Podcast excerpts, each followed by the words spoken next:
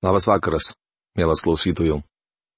Šiandien toliau keliaujame Biblijos puslapiais Senuoju testamentu, nagrinėdami patarlių knygą. Praėjusioje laidoje pradėjome aštuntojo skyriaus apžvalgą ir išnagrinėjome potėme išminties kvietimas. Šiandien savo laidą pradėsime nuo potėmis išminties charakteristika. Prieš pradėdamas noriu palengti galvą prieš viešpatį ir paprašyti jo palaiminimo. Dangaus Dieve, mes dėkingi tau, kad galime būti tavo akivaizdoje visada, žinodami, jog tavo žvilgsnis nukreiptas į visų žmonės absoliučiai, kad tu matai ir pažįsti ir supranti, kas darosi kiekvienoje širdyje. Prašome tavęs, kad šis vakaras būtų naudingas mums visiems, kurie suradome laiko susitikti su tavimi. Prašome, kad tu prabiltum viešpatę Biblijos puslapiais, per patarlių knygą, per Saliamono užrašytą išmintį į mūsų širdis, padėdamas susivokti, kokioje padėtyje mes šiandien esame tavo atžvilgiu ir kokie tavo reikalavimai mums, nes tai mums yra išmintis. Palaimink ir mano lūpas, Dieve, kad aš tinkamai perteikčiau tą žodį, kad jisai būtų aiškus ir suprantamas. Jėzaus Kristaus vardu. Amen. Išminties charakteristika. Aš išmintis gyvenu kartu su protingumu ir įgyju sveiko proto išmanimą. Patarlių 8 skyriaus 12 eilutė. Iš Dievo žodžio bus aišku, kad išmintis yra asmuo, viešpats Jėzus Kristus. Pagarbiai bijoti viešpatės reiškia nekesti to, kas pikta, puikybės, įžulumo, blogo elgesio ir suktos kalbos aš nekenčiu. Patarlių knygos 8 skyriaus 13 eilutė. Paskutinę frazę galima būtų versti iškrypusios burnos aš nekenčiu, taip verčia profesorius Algirdas Jurienas.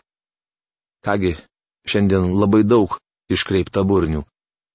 Regis patarlių autorius mums tai aiškiai sako.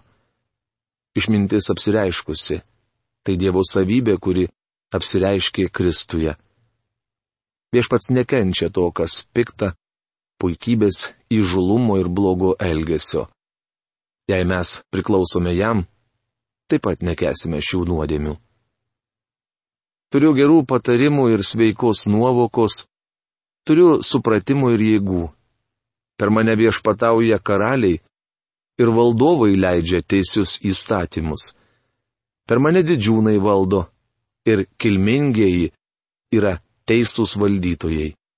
Patarlių 8 skyriaus 14-16 eilutės. Psalminė bei Danieliaus pranašystėje kartojama, jog aukščiausiasis valdo žmonių karalystę, duoda ją, kam nori. Kaip nuostabu žinoti, jog Dievas valdo žemę, net ir bedieviškiausias tautas. Galiausiai vis viena įvyks jo valia. Dievas valdo žmonių karalystę. Aš myliu mane mylinčius, o manęs stropiai ieškantys mane suranda.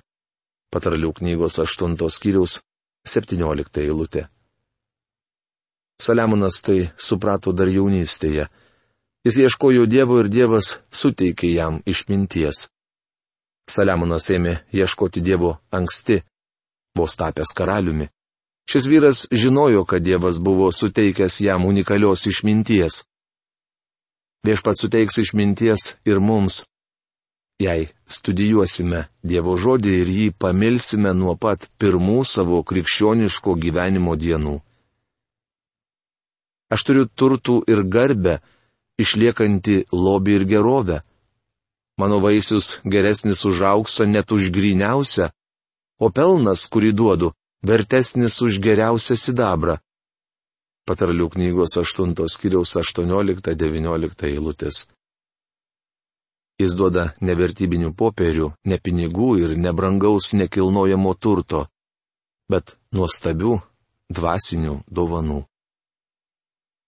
Aš einu teisumo keliu, teisingumo takais, suteikdamas turtų mane mylintiems ir pripildydamas jų išdus. Patarlių knygos 8 skyriaus 20-21 eilutės. Išmintis įasmeninta Kristuje. Manau pastebėsime, jog nuo šios akimirkos ima kalbėti viešpats Jėzus Kristus. Viešpats sukūrė mane savo kelių pradžioje, kaip pirmą savo ankstesnių darbų.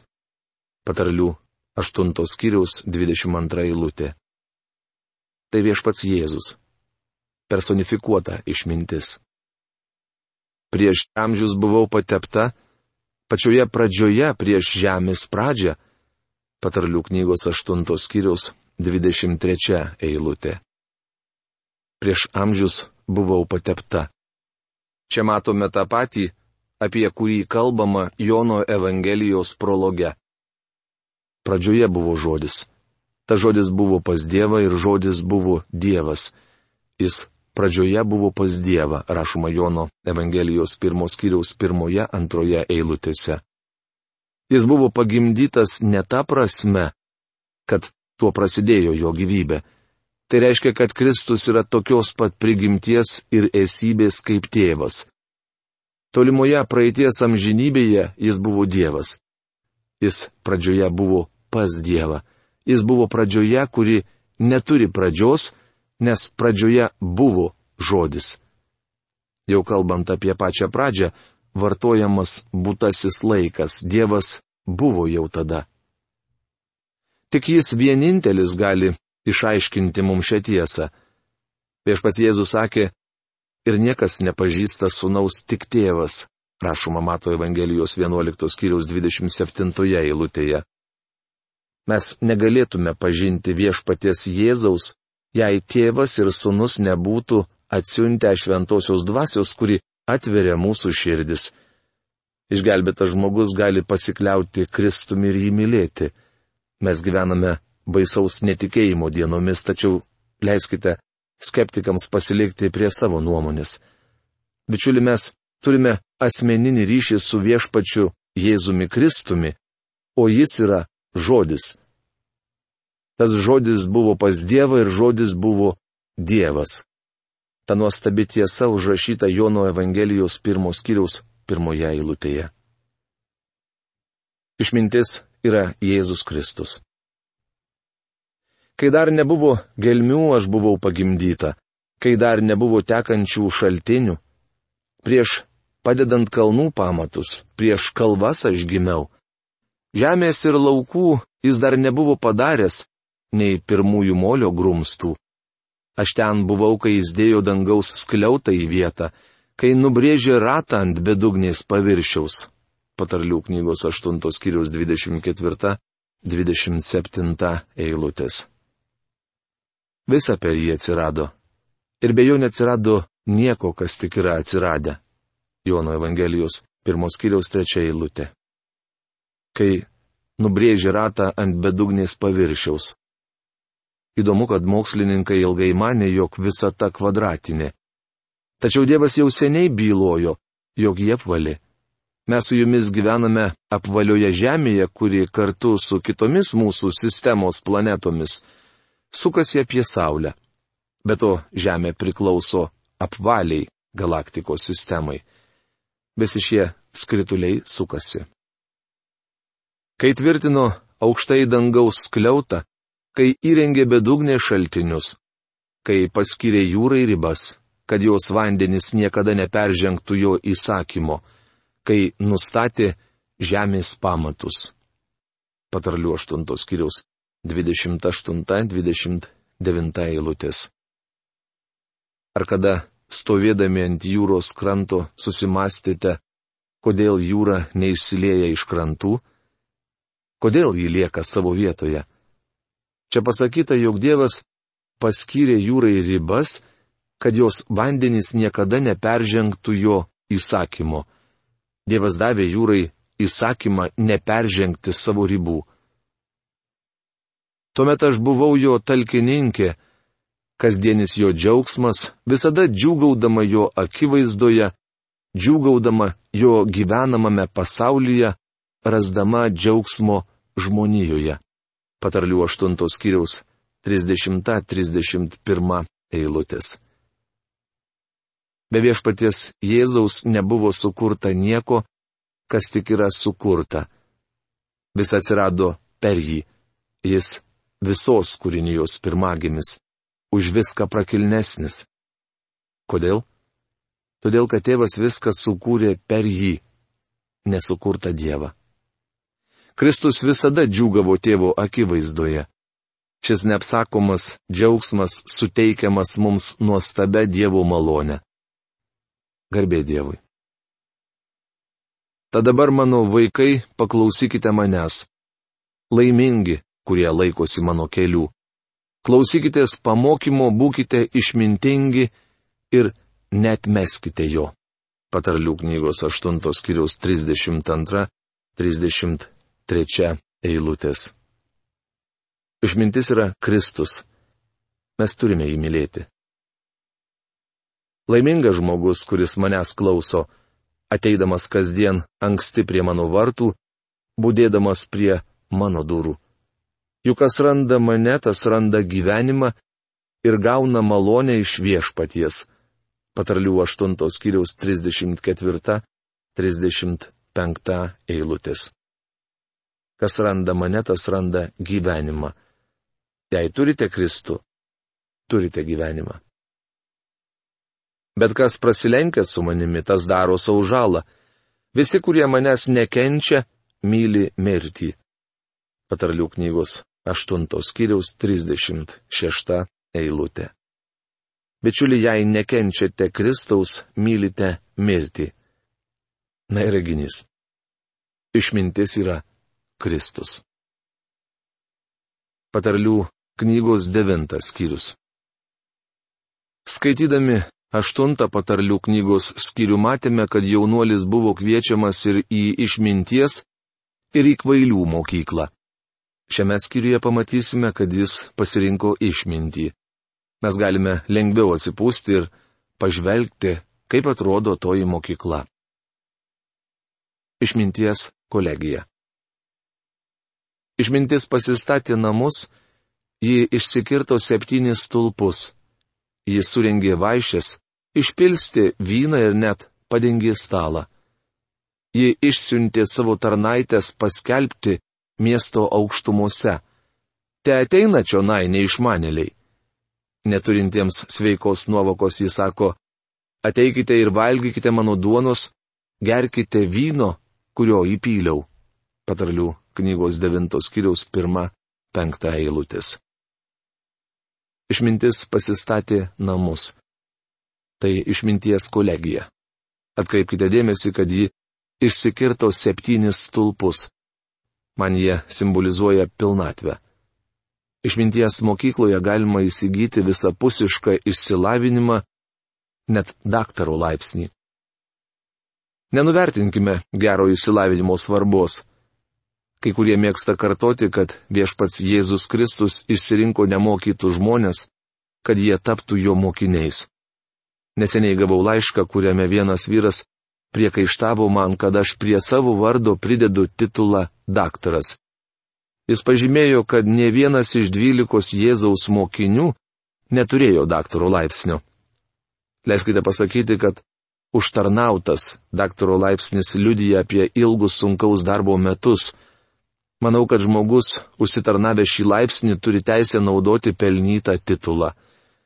Pripažįstu, kad šio laikinėje mokymo sistemoje esama keistų metodikos vingių. Pažįstu jaunuolį, kuris studijuoja istorijos magistrantūroje. Jam sakoma pamiršti datas ir asmenybės, kad galėtų pajusti tam tikros epochos skonį, to meto gyvenimo būdą ir mąstyseną. Tai iš tikrųjų pavojingas mokymo būdas. Mano manimu, faktai yra svarbus. Žinau, kad dar yra puikių mokymo įstaigų, kurios dirba pagal laiko išbandytus principus. Kalbėdamas apie apaštalų išsilavinimą noriu pasakyti, jog ne vienas praleidęs trejus metus su viešpačiu Jėzumi Kristumi neliko nemokytas. Tie vyrai daug išmoko iš geriausio mokytojo, koks kada nors buvo pasaulyje. Apaštalas Paulius taip pat buvo įgyjęs aukštą išsilavinimą. Niekas negalėjo pasakyti, kad jis neišmanėlis. Neužmirškime, kad išmintis yra viešpats Jėzus Kristus ir jis gali suteikti jums visapusišką išsilavinimą. Jis suringė vaišės, išpilstė vyną ir net padengė stalą. Laikas ateiti į išminties mokyklą ir pradėti ragauti jos siūlomo mokslo. Ji išsiuntė savo tarnaitės paskelbti miesto aukštumuose. Matome įspūdingą reginį. Leiskite jums priminti, jog šis kvietimas tebeskamba ir šiandien. Vestuvių po tapo ruošta ir pakviestiesiems išsiunčiami pranešimai, jog jie gali atvykti. Tačiau daugelis svečių kvietimą atmeta. Tuomet tarnai išeina į kelius bei kryškelės ir kviečia į vestuvių puotą visus, ką tik sutinka, taip? Aprašyta Mato Evangelijos 22 skyriaus nuo 1 iki 14 eilutės. Įdomu, kad išmintis turėti į kelius bei kryškelės ir kviesti žmonės ateiti. Mums taip pat reikia eiti į kelius ir kryškelės. Žinia, kurią šiandien turime skelbti, tokia. Dievas sutaikintas su jumis. Dabar jūs susitaikinkite su Dievu. Taigi vietoj Kristaus einame pasiuntinių pareigas, tarsi pats Dievas ragintų per mus. Kristaus vardu maldaujame. Susitaikinkite su Dievu, rašoma antrame laiške korintiečiams penktame skyriuje, dvidešimtoje eilutėje. Šiandien Dievo žodis skamba dažniau negu bet kada pasaulio istorijoje. Kvietimas ateiti į išminties mokyklą, tai yra ateiti pas viešpati Jėzų Kristų, pasiekia tolimiausius žemės pakraščius.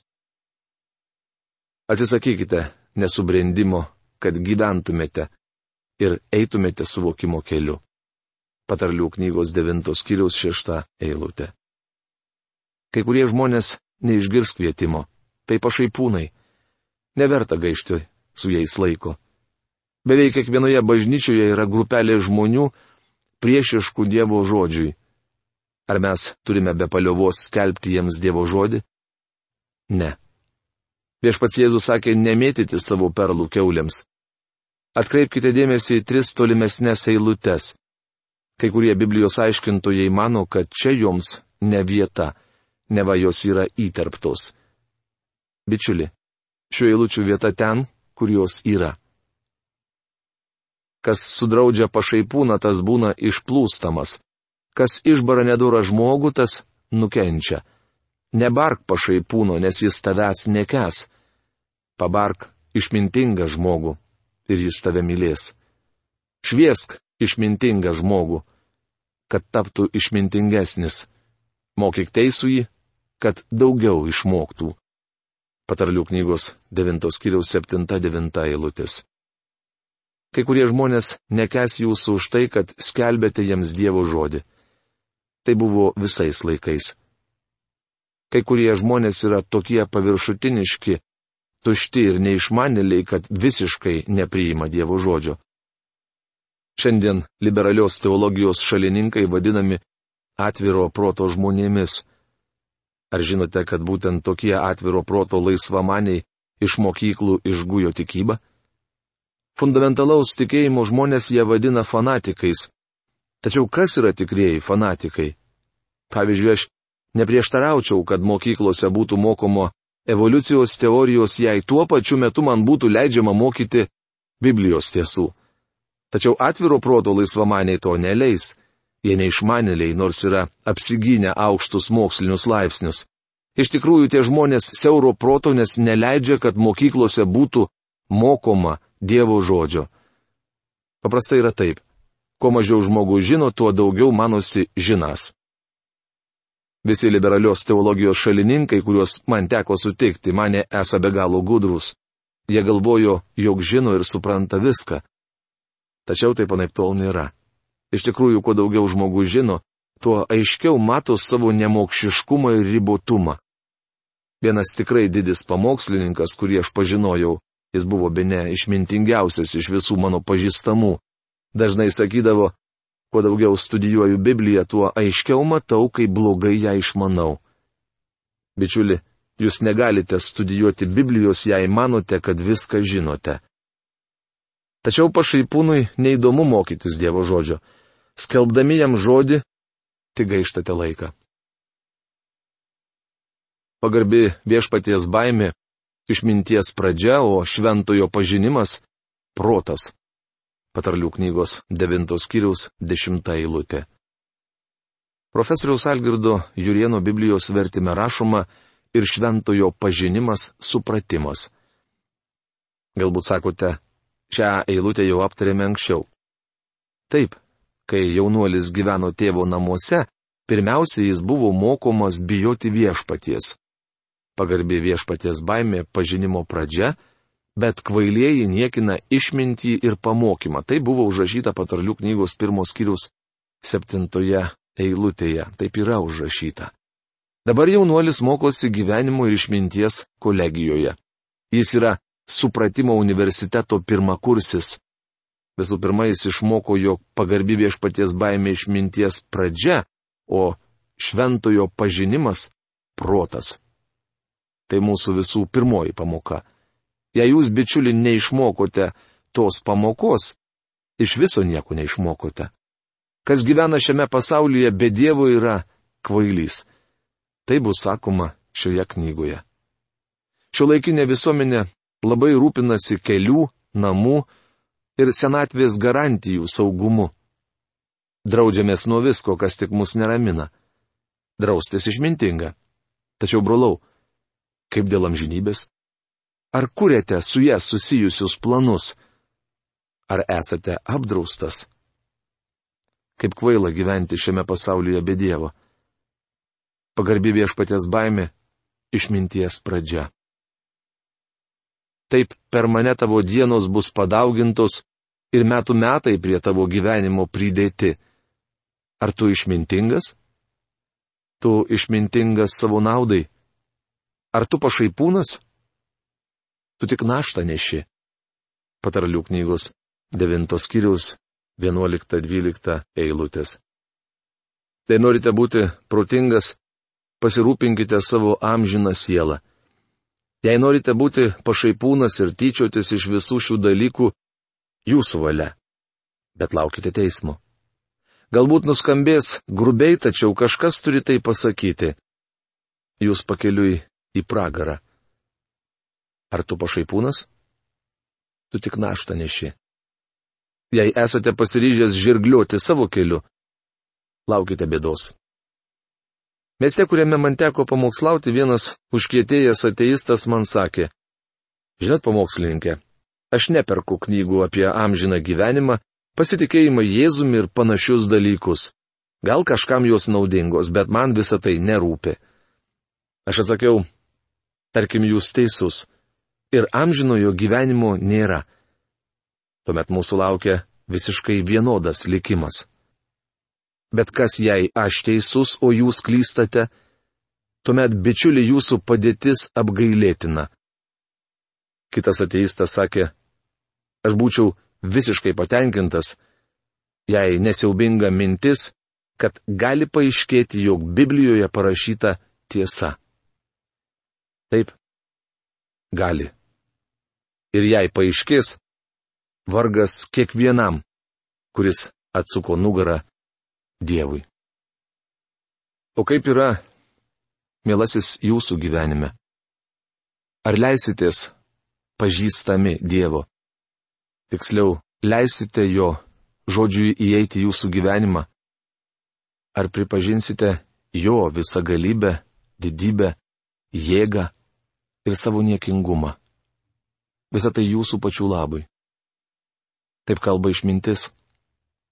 Jeigu priimsite nuoširdžiai šią išmintį, būsite išgelbėtas. Toks Dievo tikslas mūsų gyvenimams. O jeigu aš galėčiau jūs atversti, jeigu aš galėčiau jūs išgelbėti. Bet tik tai Dievo žodis savyje turi tokią galę. Todėl mąstykite apie jį, skaitykite jį, šaukitės jo ir jis parodys jums, kaip prašo raštas, didelių ir nesuvokiamų dalykų, apie kuriuos mes nieko nežinome. Šiais žodžiais noriu ir užbaigti mūsų laidą. Iki greito sustikimo. Sudė.